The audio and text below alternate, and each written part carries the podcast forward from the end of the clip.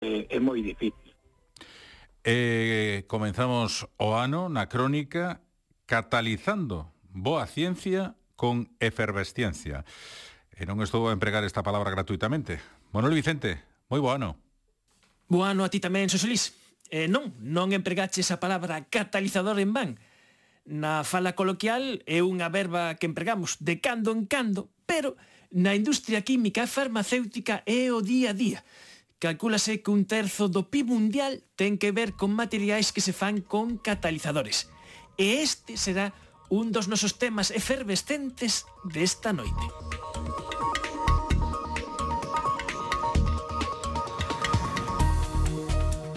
Moi boas noites, un saúdo de Laura Veiga, César Goldi e Manuel Vicente. Somos o equipo de Efervesciencia. Semella probable que a maioría dos grandes principios básicos teñen sido xa establecidos. As futuras verdades da ciencia física deberán buscarse na sexta cifra dos decimais. Isto é do Nobel de Física Albert Michelson. Andábamos polo ano 1894 cando Michelson impartiu un discurso na inauguración dun laboratorio de física na Universidade de Chicago. Sete anos antes, o amigo Michelson, xunto con Morley, mediran con exquisita precisión a velocidade da luz de tal xeito que desbotouse a existencia do éter. Contrariamente á predición expresada nas palabras de Michelson dunha física rutineira e aburrida, as seguintes décadas trouxeron ao mundo grandes revolucións na física que non se albiscaban para nada. A mecánica cuántica e máis a relatividade. O ano pasado o experimento Muonge 2 do Laboratorio Nacional de Aceleradores Fermi, o Fermilab, que casualidade de Chicago, fixo públicos os seus resultados da medida do momento magnético do muón, A teoría di, en primeira instancia, e isto é importante, que o seu valor expresado nun factor chamado que ten que ser 2. Pero desde hai dúas décadas sábese que experimentalmente é un chisco, un chisquiño maior. O Fermilab achou o valor máis preciso ata agora para esta medida e dá 2,00233 e uns cantos decimais máis. E estes decimais son importantísimos. Música Para afinar os cálculos teóricos deste parámetro, compre introducir nas fórmulas as sutis contribucións das interaccións que crean as outras partículas coñecidas no valeiro cuántico redor do muón. E resulta que o valor teórico atopado e definido por consenso polos teóricos non concorda co experimental. A desviación entre o valor teórico e o valor medido só ten unha probabilidade entre 10.000 de que sexa debido a unha pura casualidade. O miolo da cuestión é que estes valores poderían coincidir se existisen novas partículas non coñecidas ou unha nova física alén do exitoso modelo estándar da física de partículas. E para darlle máis emoción ao asunto, o mesmo día que se publicou o dato da medida do Fermilab, un grupo de físicos teóricos da chamada colaboración BMW fan público un cálculo alternativo do momento magnético do muón que este sí é compatible coas medidas experimentais do Fermilab. Temos aquí nova física ou non? A resposta, meu amigo, está máis alá da sexta cifra decimal. Toda unha xustiza poética para as palabras de Michelson, que no além estás a divertir moito con esta última física de Vangarma. Benvidos a Efervesciencia, hai outros mundos, pero están neste. Efervesciencia. Doses de ciencias en contraindicacións. Patrocinado pola FECIT, Fundación Española para a Ciencia e a Tecnoloxía, Ministerio de Ciencia e Innovación, unha colaboración da Universidade de Santiago e a Radio Galega. Co apoio da Xencia Galega de Innovación da Xunta de Galicia. La, la, ya, la, ya. la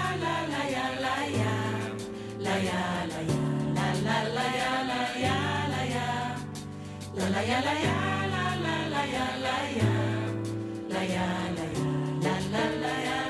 Laura, boas noites. Boas noites, Manuel. Miraches en que faz esta lúa esta noite? Non, a verdade é que non. e o que falamos a última vez que tivemos como convidada a nosa colaboradora Laura Veiga, Pingando, na que falamos da relación do ciclo menstrual, ou máis ben da non relación do ciclo menstrual, coa lúa. E abrimos esta sección de comentarios de aprender, divulgación, sobre algo que afecta á mitade da poboación e que a outra metade tamén nos interesa coñecer, que é o ciclo menstrual. E comenzamos cunha pregunta, unha pregunta que nos chegou tamén por Instagram. Efectivamente. Eh, neste caso, tamén foi unha rapaza que me preguntaba por que ela tiña candidiase recorrente eh, fixábase que normalmente coincidía pois durante a menstruación ou os días antes. Primeiro, que é unha candidíase? É basicamente unha infección provocada por, por fungos. Normalmente ven porque hai unha, un desequilibrio, unha desestabilización no que se coñece comúnmente como flora vaginal. Esas comunidades de, de bacterias son fundamentais en todos os do noso corpo. E na flora, e na flora vaginal tamén é moi importante. Efectivamente. Bueno, como xa comentamos moitas veces, evidentemente, cando hai unha patoloxía, pois hai que consultar con un profesional. Sempre. Pero eu quería aproveitar esta pregunta para falar da inmunidade, porque o ciclo menstrual ten moito que ver coa nosa inmunidade. E que, como vai alternando estróxenos e progesterona, Resulta que estas hormonas tamén teñen eh, como funcións antagónicas. Entón, os estróxenos elevan a nosa inmunidade e a progesterona a baixa. A explicación máis ou menos que se atopou a isto, aínda que non está 100% comprobado, é que a progesterona baixaría a inmunidade porque é a hormona dominante despois da ovulación. Entón, no caso do que houvese un embarazo, o ideal sería que as nosas células non atacasen a ese óvulo que se está intentando implantar. Mellor será. entón, claro, xusto antes de menstruar ou nos primeiros días, a nosa inmunidade baixa, estamos máis desprotexidas fronte a eses desequilibrios de, de fungos que comentábamos. Mm, entón, ten sentido que, que lle acontece esta cousa. Efectivamente. Se é recorrente, pois evidentemente ten que haber outra cousa detrás que, que habería que mirar, lóxicamente. Pero tamén é interesante pois coñecer como, como vai variando todo o noso organismo. Unha pregunta e unha curiosidade.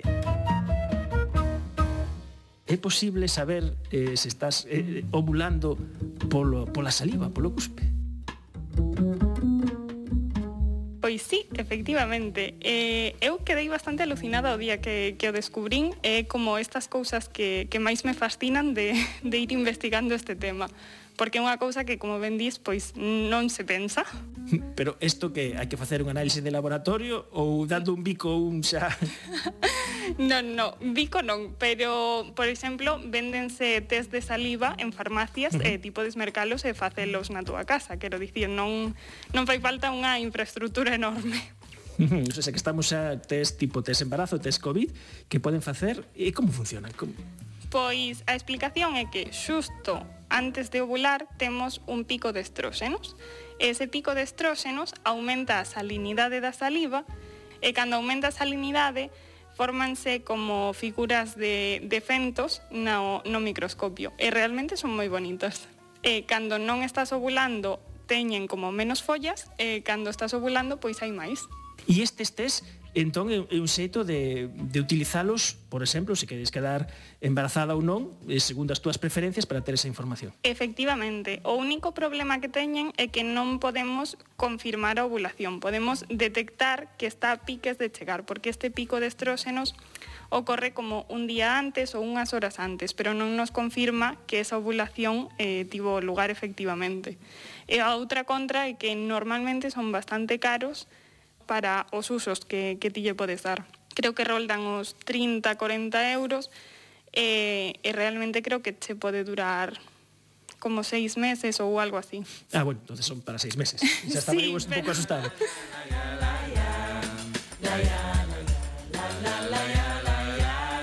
E chega a terceira parte desta sección de pingando.gal en Efervesciencia con Laura Veiga na que analizamos un mito.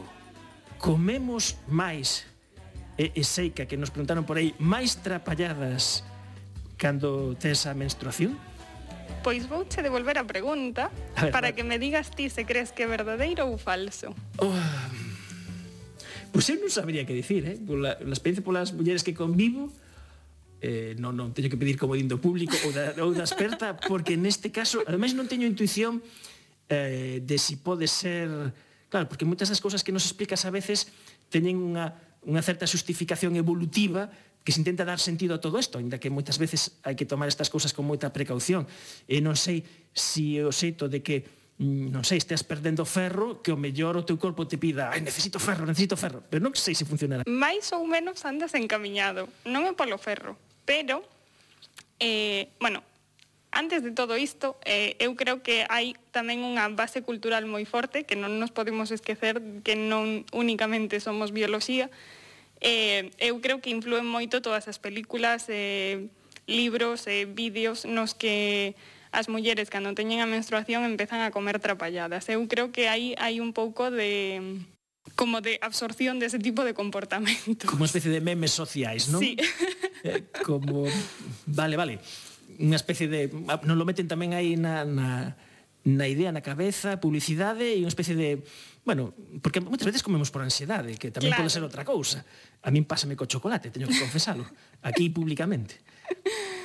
Pero a, a base fisiolóxica, digamos, é que cando os niveis de estróxenos están máis altos, temos menos apetito, porque os estróxenos facilitan que se absorba a glucosa. Entón, eh, chegamos antes a esa sensación de saciedade. Pero a progesterona, como xa falamos moitas veces, que adoitan ter efectos antagónicos, unha vez que pasa a ovulación, a idea sería eh, comezar a nutrir pois un feto que, que estaría desenvolvéndose aí. Entón, eh, o noso organismo crea unha certa resistencia a insulina fisiolóxica, que sería como que ocorre na diabetes, que non se, non se absorbe ben a glucosa, pero neste caso sería fisiolóxica e non patolóxica esa, faise esa pequeniña resistencia a insulina para crear menos sensación de saciedade é que aumentemos a carga calórica do que comemos. Ah, pois ou seja, que sí, que sí, que, que esta parte cultural, pero tamén esta a parte fisiolóxica. E falábamos, e falábamos antes de que esta, esta este mito que tamén nos chegou en forma de pregunta, tamén que nos lo preguntou, decía, bueno, que eu ademais sinto que necesito comer Eh, eh, trapalladas, váleme calquera cousa, necesito hinchar esa, esa historia de, de saciar, non? Efectivamente, porque o que necesitamos é máis carga calórica, eh, realmente os macronutrientes que máis carga calórica teñen son as graxas, entón imos comer alimentos ricos en graxas. E ademais, a progesterona ten outra función bastante graciosa, por dicilo así, que é eh, reducir os nosos niveis de serotonina. Uh Co cal, eh, buscamos como esa sensación de placer. Eh, e que o que nos dá prazer? Os azúcares. Entón, eh, realmente o que imos facer é buscar alimentos que combinen graxas e azúcares, que son, pois, toda a atrapallada que hai no supermercado. E se, se xa os azúcares eh, son unha fonte de placer para o noso cerebro que está programado precisamente para que dependamos del, pois inda por riba, se temos ese momento no noso corpo que ademais non lo pide máis, pois o mellor se, se empezan a entender cousas. Efectivamente. Eu creo que, que nestes momentos pois temos que facer un pouco o que pide o corpo, eh, sen pasarnos obviamente, pero realmente tamén son necesidades fisiolóxicas e se empezamos a entendelo por aí, pois moito mellor. Eh, polo menos non sei, para non ter eses cargos de conciencia. Exactamente. E saber como funciona o corpo. Pois moitísimas grazas, eh, Laura Veiga, eh, e pingando.gal, por divulgar sobre o ciclo menstrual Advertimos, isto non é un consultorio médico, pero sí que aprendemos cousas, porque o ciclo menstrual acontece a mitade da poboación e a outra metade tamén nos interesa. E se queredes deixar algunha pregunta, xa sabedes, nas redes sociais habituais de Efervesciencia ou de Pingando. Moitísimas grazas, Laura. Moitísimas grazas por convidarme.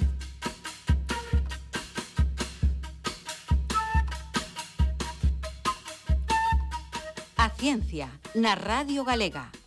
E chega o momento de saber todo o que nos preguntamos sobre de que vai o último Nobel de Química. A Real Academia Sueca de Ciencias ten decidido o día de hoxe outorgar o Premio Nobel de Química 2021 conxuntamente a Benjamin List, e... David Macmillan, polo descubrimento da organocatálise asimétrica. Organocatálisis.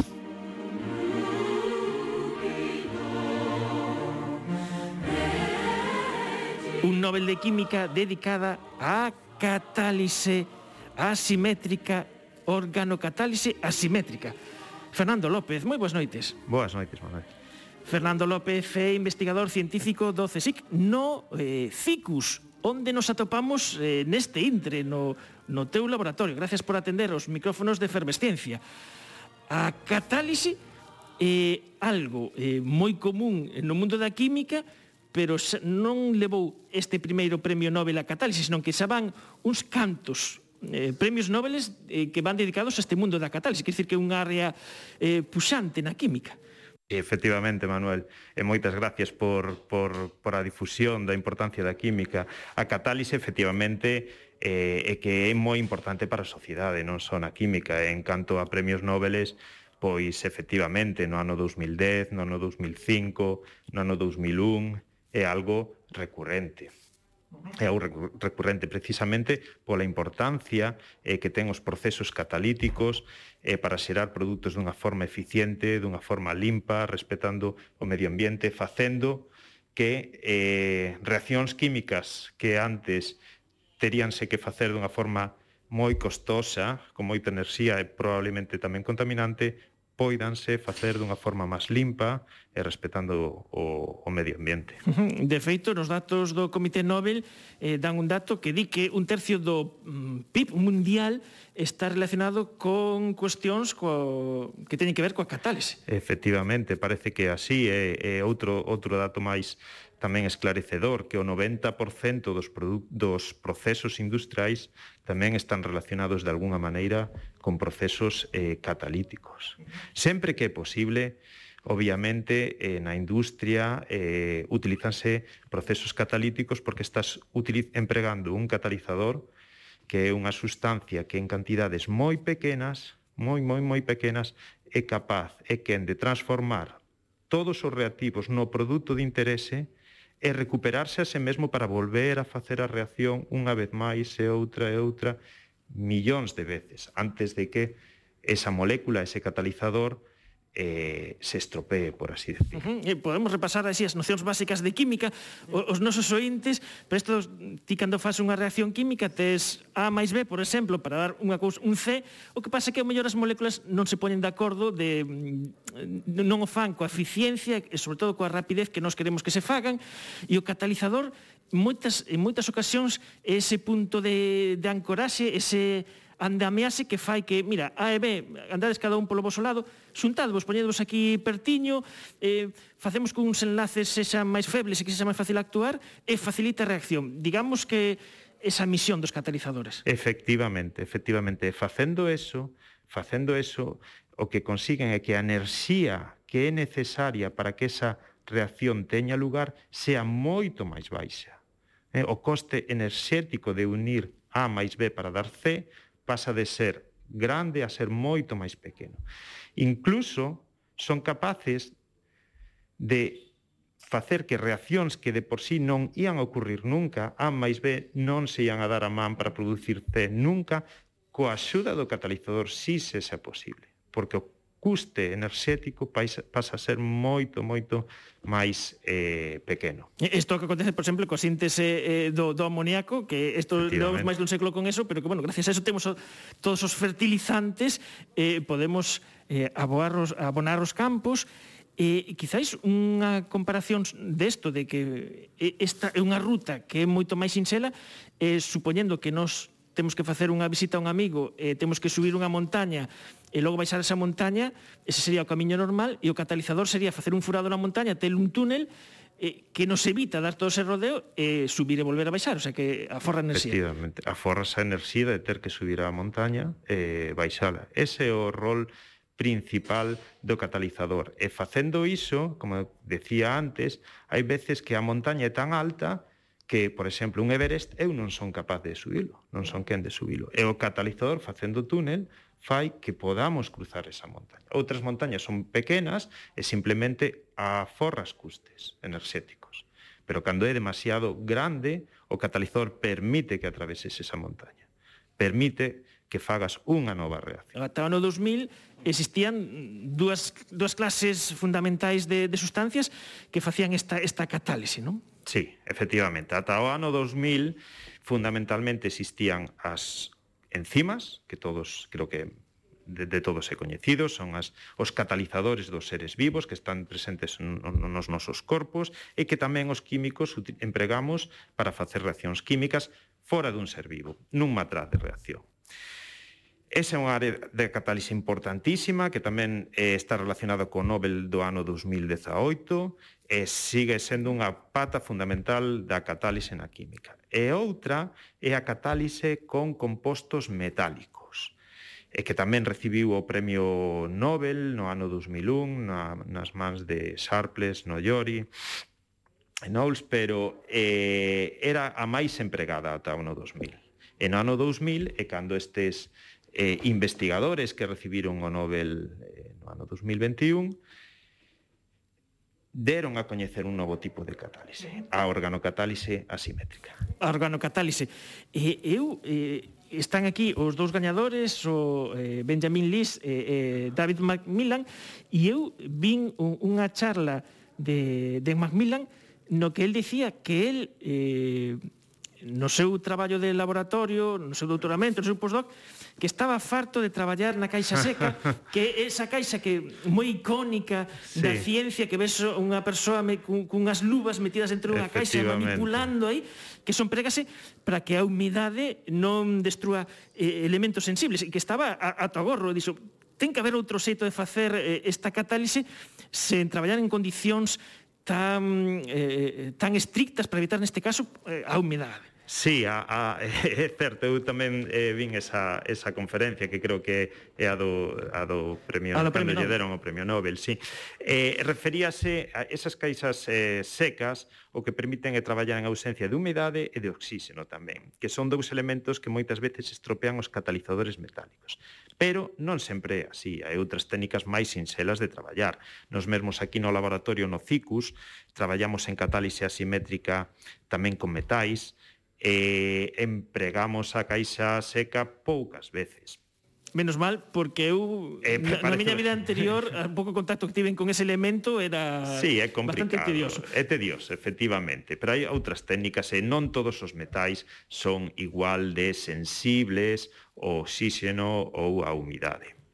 Se ben é certo que eh, esa reflexión que fixo eh, Dave Macmillan eh, sé que eh, é verdade que na organocatálise non tes ese problema eh, eh, os organocatalizadores son eh, moléculas feitas fundamentalmente de carbono, de hidróxeno, oxígeno, nitróxeno, poden tener algún átomo máis, pero o que os caracteriza fundamentalmente é que non teñen metais. Entonces, normalmente, as reaccións Nese eido podes facelas en presencia de eh, certas cantidades de auga, en presencia de oxígeno, sin problemas, moitas veces sen ter que utilizar unha atmósfera inerte que nós chamamos atmósfera inerte de nitróxeno ou de argón para protexer os componentes da reacción de, do oxígeno e da auga. E, obviamente, eso é unha vantaxa importante eh, da órgano. Porque o que ten en común estes dous premios Nobel é que os dous investigadores eh, estiveron matinando ou pensando conceptualmente que ocorre cando actúa un catalizador e dicindo, mm, poderei utilizar un método alternativo e utilizar pois algo diferente que poida ter outros resultados? Coito que foi un pouco común nos dous casos. Sí, eh, quizá inspiráronse de distinta maneira. No caso de Macmillan, como el dixo, estaba eh, por decirlo dunha forma, farto de traballar en catálise metálica e pensou que moléculas orgánicas sin selas poderían tamén eh, actuar como catalizadores. En o caso de Benjamin List, estaba nese momento traballando en un instituto moi importante en Estados Unidos, en Scripps, eh, eh, inspirouse máis, máis na bioloxía no mecanismo no, eh, que, que empregan certas enzimas para facer reaccións. El viu, por exemplo, que unha enzima con estrutura moi complexa, unha proteína con moitísimos eh, aminoácidos que a compoñen, no centro verdadeiramente activo que realiza a reacción, hai unicamente eh, uns poucos aminoácidos. E destes poucos aminoácidos, normalmente un ou dous, son os que fan realmente a función definitiva da catálise.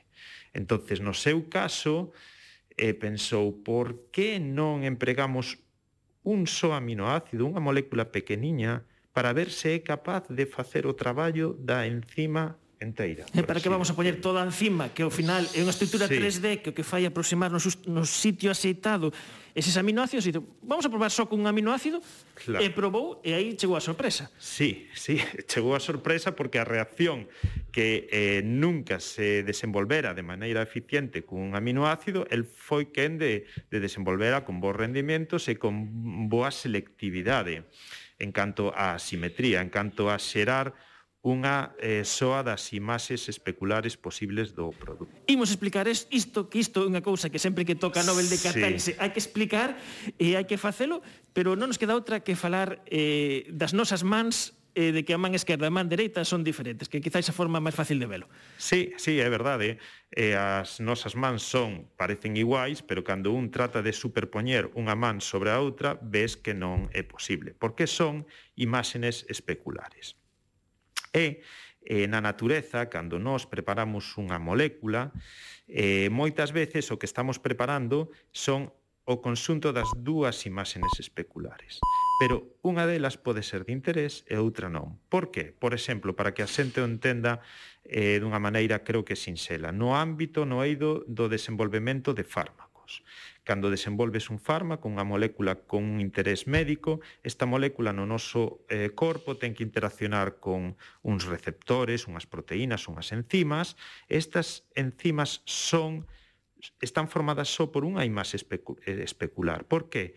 porque eh, todas as proteínas están formadas por aminoácidos L, é dicir, por aminoácidos que son só unha imaxe especular e tamén ocorre mesmo cos azúcares. Por tanto, a molécula que nos sintetizamos queremos que sexa un só de un, unha soa destas imágenes especulares. Eso é difícil. É moi difícil encontrar un catalizador que sexa quen de formar unha soa das imágenes especulares posibles. Eh, podríamos decir que mm, a, a molécula final, neste caso, podemos imaginar eh, que, que son luvas, e eh, ti cando faz a tua reacción te dá luva esquerda, luva dereita, para as dúas mans, pero ti o que te interesa só é unha luva en concreto, e iso é o complicado e o que precisamente fan estes catalizadores. Efectivamente, eso é o que fai os organocatalizadores asimétricos e calquer outro catalizador que se conoce como asimétrico. É dicir, xera únicamente, xenera únicamente a luva esquerda de interés ou a luva eh, dereita, a que ti eh, queras porque é a que vai cumplir a función que ti desexas que cumple esa. E uh -huh. isto que dis é, é fundamental e hai casos dramáticos, como é o caso ben coñecido da talomida, que foi un medicamento que se utilizaba contra as náuseas das mulleres embarazadas, pero eh, nas probas fixose co, cun so, unha soa destas eh, dúas imaxes, pero eh, logo na comercialización facíase co, cos dous eh, cos, du, co, co, cos, cos dous, dous eh, cos dous isómeros e resulta que un eh, si producía os efectos farmacolóxicos pero outro formaba malformacións nos fetos. Sí, efectivamente, este é un caso eh, coñecidísimo por, por a repercusión, as malformacións, eh, a trasedia que supuso para un montón de, de, de familias. Eh, tamén foi un punto de inflexión porque a partir dese momento eh, nas asencias que, que, que dan o visto bo para o desenvolvemento de fármacos eh, cambiaron as normas e fixeron que fose fundamental cando se desenvolven novos fármacos que se analice que se analice eh, a actividade dos distintos isómeros que é, por así decir, a luva esquerda e a luva dereita que non podes dar unha mezcla eh, de mans ou de luvas sen saber se eh, a dereita é a que funciona perfecto, pero é a esquerda. A esquerda pode ser que non teña ningunha función. Nese caso non hai problema, podes administrar. Pero hai que saber, hai que saber se ten unha función positiva, negativa ou se interfire noutro proceso biolóxico que pode ser eh, contraproducente. Uh -huh. e, e, un exemplo eh, de outra sustancia, este tamén a, a nomean na, na documentación que dá aí o Premio Nobel, e tamén un exemplo ben coñecido, é, é o limolen, limoneno, hmm. que é, é unha sustancia que unha, a, unha versión cheira a laranxa e outra cheira a limón. E, e o que teñen estas, o que se chaman estas isomerías, e que ademais é curioso, eh, que eh, é importante dicir que realmente, se si te analizas, teñen a mesma fórmula química, teñen os mesmos átomos, o que pasa que aquí cambia a posición en 3D onde están. E iso que marca precisamente que sexan un, unha imaxe de outro. E precisamente ata eso, hai unhas décadas, pois se conformábanse con ter só a fórmula, pero non só chega a fórmula, a fórmula senón hai que saber como están situados estes átomos no espazo. E, e falando eh, deste, destes traballos, eh, digamos que este foi un, uns achados que tiveron un desenvolvemento logo exponencial. Unha vez que abriron esta porta... Eh... Efectivamente, efectivamente. Ese é, un, é unha das repercusións máis importantes. Hai que dicir que a, organo, a organocatálise asimétrica, é dicir, a catálise con moléculas orgánicas pequenas, non se iniciou totalmente no ano 2000 co, cos traballos de, de Benjamin eh, List e David Macmillan. Se había algún exemplo aillado anteriormente. Que ocorre que os científicos, os químicos que traballan neste eido, non se percataron do potencial que había. Non se percataron de que esas moléculas orgánicas sinxelas podían extrapolarse como catalizadores a outros procesos. O fundamental do descubrimento de, de, destes investigadores foi demostrar que eran moi eficientes dous reaccións distintas, moi importantes, e tamén divulgaro a comunidade científica eh, dunha forma moi clara defendendo o potencial que tiñan estas moléculas para catalizar moitas outras reaccións químicas. Entonces, como ademais son moléculas sinxelas que eh, os grupos de investigación que teñen moitos cartos pero os que teñen menos cartos tamén poden adquirir, pois puxéronse a traballar nesto e o crecemento, como ben dis, foi eh, verdadeiramente exponencial. Pasouse de dúas publicacións científicas no ano 2000 ao mellor eh, preto de 2.000 publicacións neste eido eh, 15 anos máis tarde, por ano, 2.000 publicacións por ano. É un crecemento exponencial no que estes dous investigadores sempre seguiron sendo referentes, sempre eh, continuaron facendo aportacións fundamentais neste, neste, neste ámbito. E, e ademais, eh, multiplicando a capacidade da técnica e facendo reaccións en, en cascada, que, que se di, que, que como falla a natureza, que un enzima actúa, eh, favorece unha reacción e logo xa está outro rapidamente preparado para seguir o proceso e así facer unha transformación rápida, non, non pararse no medio, que, que claro, vos no laboratorio que facedes ou a, a síntese química tradicional e ir eh, paso por, por paso, eh, facendo cada paso e llando que tes toda a cousa ben e pasando o seguinte. Pero se pudeses facer todo eh, en cadea, en continuo, eh, sería moito máis fácil e, e, e unha das potencialidades que permite esta técnica. Sí, efectivamente. As aplicacións foron eh, moitas e esa é unha eh, das máis elegantes, diría. Eh, poder facer distintas reaccións químicas, transformar, como ti ben decías, A en B, B en C, C en D, sen ter que aillar e purificar, ter de forma pura os distintos intermedios. Simplemente nun frasco nun matraz de reacción, añadir o catalizador e ver como este transforma A en B, B en C e de aí sucesivamente eh, distintos pasos ata eh, obter o produto eh, de interese. Son o que se coñecen reacciones en cascada ou procesos tándem e, e a organocatálise é especialmente atractiva para, para este tipo de catálise. E, e podemos decir que podemos adiantar que Macmillan vai visitar Galicia. Pois sí, a verdade é que sí, é, é unha coincidencia, a verdade é que espectacular, porque, bueno, a través do director do, do CICUS, José Luis Mascareñas, eh, xa fai, non sei, pero quizá máis dun ano, Eh, bueno, sí, máis de varios anos temos certa relación con el. De feito, un dos nosos estudantes de doctorado fixe unha estancia eh, predoctoral e postdoctoral despois no grupo de David Macmillan. E eh, a este investigador invitármonos, invita, eh, invitámolo a participar nun simposio que se vai celebrar eh, no CICUS eh, a final de marzo, que é precisamente para celebrar o décimo aniversario do CICUS. Entón, tiñamos a David Macmillan invitado, aceptou, quería coñecer Santiago, eh, estaba encantado de participar e unhas, uns meses despois de invitaro deronlle o premio Nobel. E claro, a verdade é que foi eh, unha alegría, pero ao mesmo tempo pensamos, E se agora, e se agora non ven, eh, ten a senda super apretada, uso do caché. Esta, esta xente, unha vez que lle dan o Nobel, e case non son capaces nin de seguir o día o seu email. Pero sí, confirmou de novo que quere vir e, eh, esperamos o día 30 de marzo, 30 de marzo empeza este simposio e esperamos que xa a situación COVID este máis tranquila e podase celebrar eh, poda ser un éxito, eh, estará o profesor Macmillan e outros referentes nos distintos eidos no que se traballa no, no CICUS aquí en Santiago. Pois pues, eso podemos capturar, ainda que sexa eh, así, un segundo, porque ademais Home eh, sí que explica didácticamente o seu campo de investigación, precisamente nesa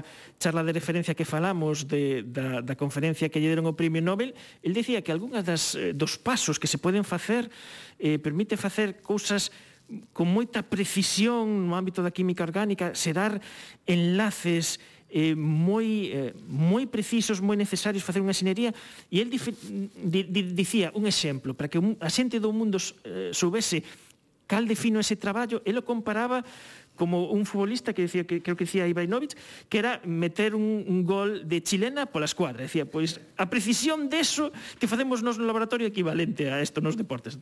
Pode ser, pode ser, claro que sí, a nivel molecular, porque eh, ti cando desenvolves un catalizador, eh, tes que ter en conta eh, moitos procesos. Primeiro, que o catalizador sexa quen de dar o produto de interese, pero despois como falábamos antes, que dé só un das imaxes especulares do produto, que o faga a unha velocidade razonable, unha reacción química e ten que eh, durar uns minutos ou unhas horas, no, horas, non pode ser que, que tarde días. Son moitos factores que hai que ter en conta e para iso o que hai que facer é primeiro encontrar un, encontrar un catalizador que funcione máis ou menos e despois perfeccionalo E ese traballo de perfeccionamiento creo que é ao que se refería o profesor Macmillan de inxenería, de tratar de encontrar algo que sexa capaz de meter o gol eh, casi imposible. Non?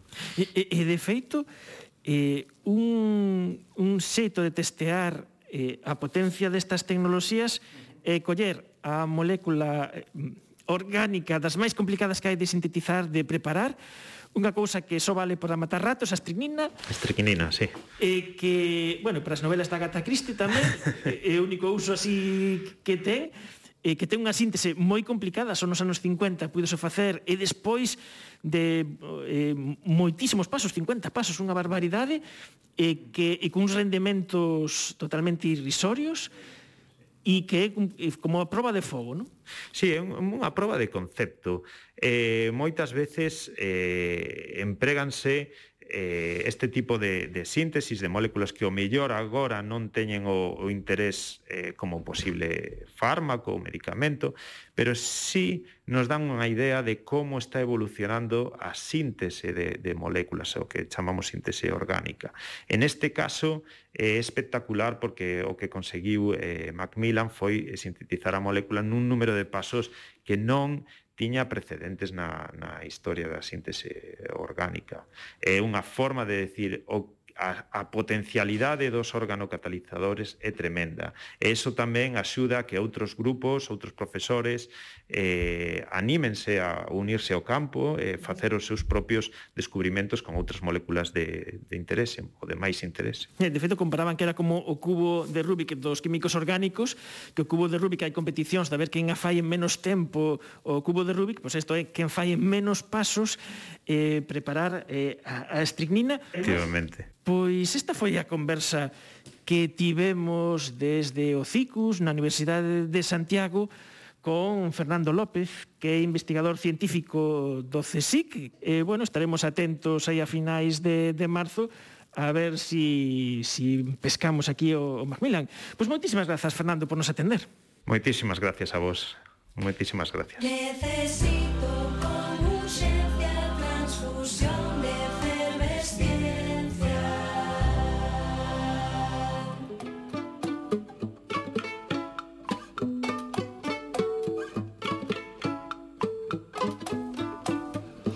mecánica cuántica se funde el protón. Por mecánica cuántica se escapa el fotón. Por mecánica cuántica enloquece el electrón. Por mecánica cuántica te quiero un montón. Ey, quark, a compás fractal. Ey, quark, a compás fractal. Baila el quark, a compás fractal Por mecánica cuántica a compás fractal da física de partículas tivo un ano especialmente movido no 2021. E así quedou refresado na revista Science cando escolleu como un dos achados máis importantes do ano o que aconteceu coas medidas do magnetismo do muón que poden ser, quizáis, inda non se sabe, unha fenda no modelo estándar da física de partículas. Para comentar todo isto que implica, temos o outro lado do teléfono a Carlos Salgado. Carlos, moi boas noites. Hola, boas noites, que tal? Moi ben, Carlos Salgado é o director do IFAI, o Instituto Galego de Físicas de Altas Enerxías. Primeiro queria facerche unha pregunta un tanto filosófica. Parece ser que os físicos de partículas nunca estades satisfeitos cos vosos resultados e sempre lle buscades as cósigas as vosas teorías por moi ben que funcionen, como neste caso o modelo estándar. Sí, bueno, aí utilizamos un pouco a filosofía de Spider-Man, non? De que grandes poderes levan aparellados grandes responsabilidades, Entón, queremos estar moi seguros, lo que pasa sempre de que, antes de cambiar, de, de estar seguros de que hai unha nova lei da física a nivel máis fundamental, hai unha nova partícula, queremos estar completamente seguros de que iso non é ou unha fluctuación estadística, é dicir, algo que pois aconteceu por azar, eh, que se si repetimos máis veces o experimento vai desaparecer, ou algo que nos equivocamos no experimento, que había algunha cousa pois, que non estaba ben feita, eh, son experimentos moi moi complicados, entón, bueno, pois hai veces que poden fallar as cousas. Estas cousas teñen pasado recentemente de, de supostos achados que logo non se poderon verificar. Estou pensando nos neutrinos eh, ultralumínicos de ópera ou a polarización de sí. microondas de bíceps, que son dous casos de cousas que ao final prometían pero non foron. Claro, esos son dous casos realmente moi moi paradigmáticos porque foron dous descubrimentos que eran cousas realmente espectaculares ademais levados a cabo por dúas colaboracións moi pequenas, No caso de ópera, eh, era unha colaboración que non estaba buscando o que ti acabas de comentar, que era que o neutrino podría ser superlumínico, é dicir, viaxar a máis velocidade que a velocidade da luz, o que sabemos que poría en graves problemas a toda a física que coñecemos. Entón, eran dúas eh, colaboracións moi pequenas que encontraron resultados moi espectaculares que, que claro, pois foron as noticias e por iso tamén que todos os físicos estaban moi cautelosos con, con estes resultados. E a maior parte mm, sobre todo os que se dedicaban máis a estas cousas, pois eh, estaban moi escépticos con que estes resultados foran así.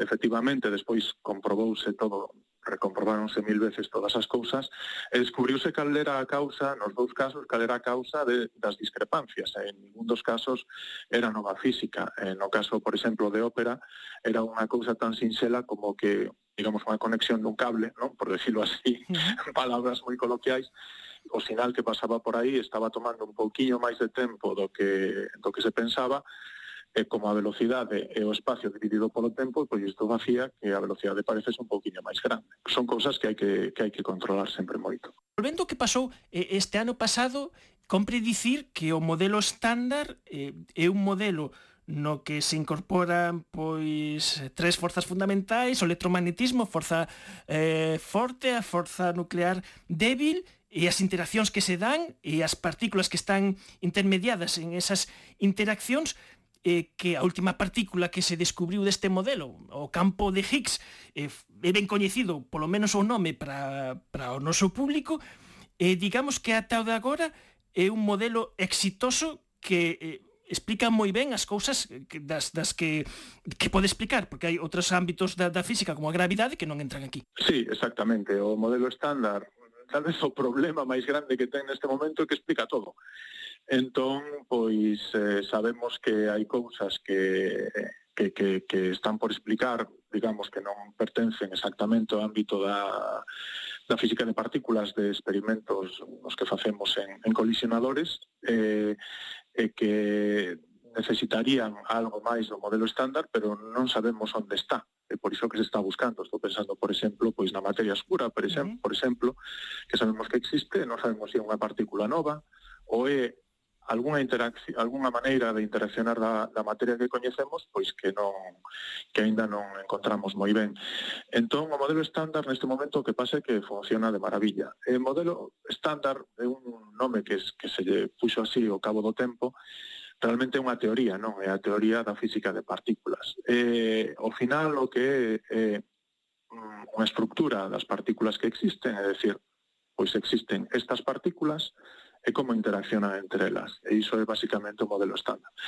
Eh, cunha serie de regras onde todo está determinado polas matemáticas. O modelo estándar construense de principios fundamentais, de principios de simetría. Eh, e isto é unha das cousas que lle dá moitísima potencia. Non é que inventes unhas partículas, senón que hai uns principios que os, que os físicos entendemos que, que teñen que funcionar así, poderían non funcionar así, pero son os principios que, que, que, que nos supoñemos en los que se basea a física e a partir de aí as matemáticas nos dan como ten que ser o, o modelo estándar. Bueno, estou exagerando un pouco, por exemplo, non nos din se ten que haber tres tipos de partículas ou catro, pero, pero basicamente polo resto é observación experimental. E, e precisamente as medidas do muón que é unha partícula que está precisamente aí nese modelo estándar e que podría ser como un primo do, do electrón máis pesado de vida, eh, de vida moito máis curta, eh, resulta que poder medir con precisión cómo se comporta ante campos eh, magnéticos, es, esa medida eh, medida con precisión levase facendo, facéndose durante moitísimos anos, durante décadas, e a medida que se vai medindo máis precisión, vai aportando información. Sí, para buscar física máis alá do modelo estándar, pois, como non sabemos moi ben onde pode estar a resposta, mentras que, por exemplo, no, no caso do bosón de Higgs sabíase moi ben onde había que buscar, pois a física nova non o sabemos tamén. Entón, pois hai que buscar en distintas direccións, como che digo, pois buscamos en moitos sitios, mm, a maior parte das búsquedas pois non chegan as noticias porque o que dá é que o modelo estándar funciona e non é noticia que funcione, non? E hai algunhas que sí que dan pois que hai algunha discrepancia. Dentro das que hai algunha discrepancia, que estas aparecen pois prácticamente, non sei, casi todos os anos temos algunha medida ou cada dous anos pois temos algunha medida de algunha discrepancia. Non? A maior parte delas desaparecen bastante rapidamente, e algúns que están permanecendo. A de a esta do muón, o momento magnético anómalo do muón eh, é un caso moi moi claro. Fixos este experimento en Brookhaven. Brookhaven é un laboratorio que hai en, en Long Island, eh, cerca de Nova York, eh, a principios dos anos 2000. Encontrouse esta discrepancia, que non se sabía explicar, e agora repetiuse en outro laboratorio, en Fermilab, eh, que está ao lado de Chicago, eh, como digo, con as condicións un pouco maior, un pouco millores. No? E volvese a encontrar pois esta discrepancia, que aínda non alcanza estes cinco sigmas que que son os que os físicos pois temos un pouco como como novo achado. Eh, criterio para sí, para para clam, para decir que encontraches algo novo, pero que está moi cerca. A moitas das cousas que están pasando, isto é moi moi curioso, moitas das cousas que están pasando están pasando común, E moitos dos, destas discrepancias están aparecendo cando se comparan muons e electróns. Ah, hai uns anos había unha discrepancia sobre o, o tamaño do protón, que cando se medía con electróns e muóns parecía que, que eran diferentes. Bueno, eh, no último ano, hai pois como ano e medio ou dous anos, apareceu unha solución a ese problema con, con un experimento novo. Este ano 2021 tamén, aínda que é un son cousas que, que xa se fixeron pois, nos dous anos anteriores. Houve un artigo moi importante que, por certo, a primeira autora eh, galega, eh, Paula Álvarez Cartelle, uh -huh. que fixo a tese con nós en, no ICFAE, e eh, que agora mesmo está en, en Cambridge de, de profesora. E este era tamén pois un este no LHC, no acelerador, é un descubrimento, o sea, é unha medida onde pois miran eh, certas desintegracións de algunhas partículas que de, que decae que se desintegran en electróns e as comparan con muóns, se ven que é diferente tamén. Entón, varias das cousas están eh, están aparecendo nestas comparacións de electróns con positróns, non sabemos se si é casualidade ou pode haber algo por aí. O interesante, eh, por exemplo, na, na cuestión esta do, do muón, é que a explicación entre a diferencia entre o que se calcula utilizando a, a teoría eh, eses cálculos sí. que se fan e o que dan as medidas experimentais unha solución uh -huh. desas discrepancias sería, pois o mellor hai unhas cousas que aínda non vimos e que están aí. Sí, exactamente. No modelo estándar, un dos principios do modelo estándar é que a, hai unha universalidade entre as familias de partículas. Entón, pois, no caso de electróns e muóns, O electrón e o muón son basicamente iguais, só que o muón ten máis masa, é 200 veces máis pesado que o electrón. E iso non se pode cambiar, todos os electróns teñen a mesma masa, todos os muóns teñen a mesma masa, eh, pero polo demais son partículas, son, son o mesmo. Entón, eh, cando medimos o momento magnético, se correximos por esta diferencia de masa, debería de dar o mesmo. Sen embargo, pois eh, encontramos un, unha discrepancia coas, eh, coa teoría.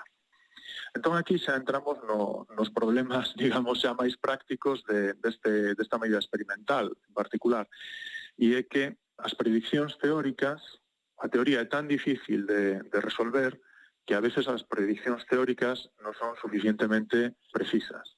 E agora mesmo o que hai é unha discusión moi grande entre os teóricos sobre se unha das contribucións a este momento magnético que vendo o modelo estándar eh, está ben calculado ou non.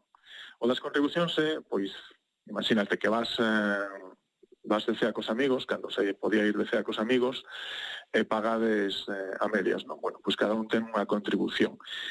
A, o momento magnético do, do muón e o momento magnético de todas as partículas ten varias contribucións. Unha contribución é pois a predominante, que é porque é unha partícula elemental, pero despois eh, como si o amigo di, bueno, pago a cea e vos pagades os chupitos. E despois estas hai correccións, non? que son moito máis pequenas, que veñen de eh, bueno, pois as partículas elementais pois teñen como una, asociadas como unha especie de nubes de partículas que son fluctuacións cuánticas. E eses cálculos son moi complicados. E eses cálculos son os que non estarían de acordo co resultado experimental. Uh, toda agora, pois todos os cálculos ian nunha dirección, eh, parecía os cálculos daban que ese momento pois era un valor o que fose e o resultado experimental é máis grande, pero eh, no mismo número de Nature, cando se publicou este o resultado experimental, apareceu un novo cálculo teórico onde o momento unha das contribucións, que é a contribución bueno, da interacción forte, era máis grande do que se, do que se estimara. E entón, bueno, pois hai unha discusión moi forte a nivel teórico sobre quen ten razón neste momento é moi interesante, claro. Claro, me imagino que ademais, que aquí cando falamos de cálculos, son cálculos moi complexos que algúns poden ser o traballo de anos de grupos que se van acumulando ese traballo e colaboracións de diferentes sitios para chegar a eses cálculos. Quer dicir que a complexidade dos cálculos é tan grande que non se sabe se cal destas vías é acertada, se é algunha das dúas ou que pasa aí. Pois claro, é que ao final estes cálculos que dos que che estou falando, os cálculos teóricos, son os cálculos que teñen que facerse en superordenadores que están deseñados particularmente para estes cálculos.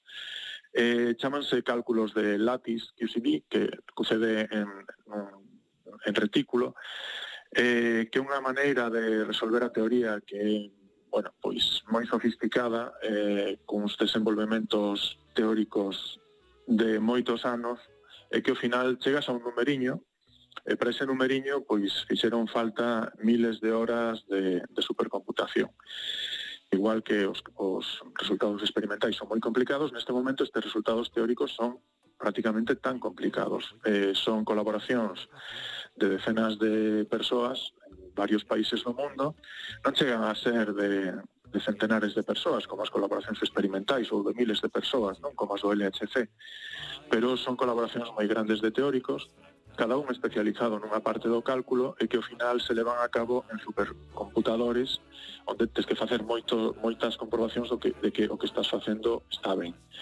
E ao mesmo tempo que haxa outros grupos competidores no mundo que intenten facer o mesmo cálculo para ver se se chega ao mesmo resultado. Carlos Salgado, director do Instituto Galego de Física de Altas Enerxías, moitísimas grazas. Pois moitas gracias a vos. Baila el quark a compás fractal, voy con el quark a compás fractal.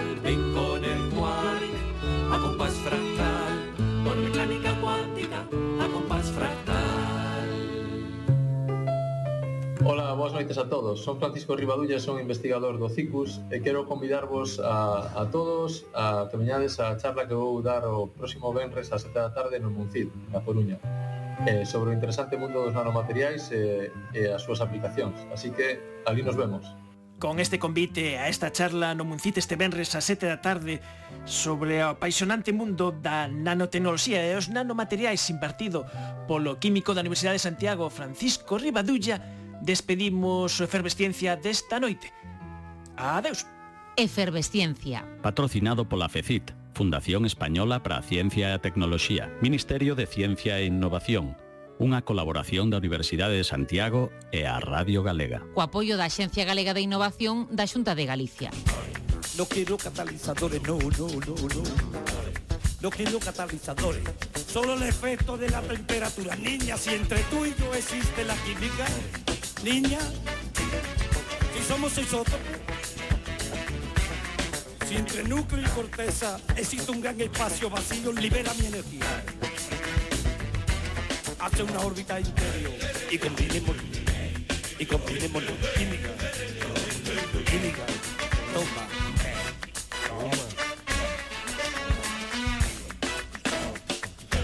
Toma química, toma química, pic, pic, pic, pic, pic, pic, pic,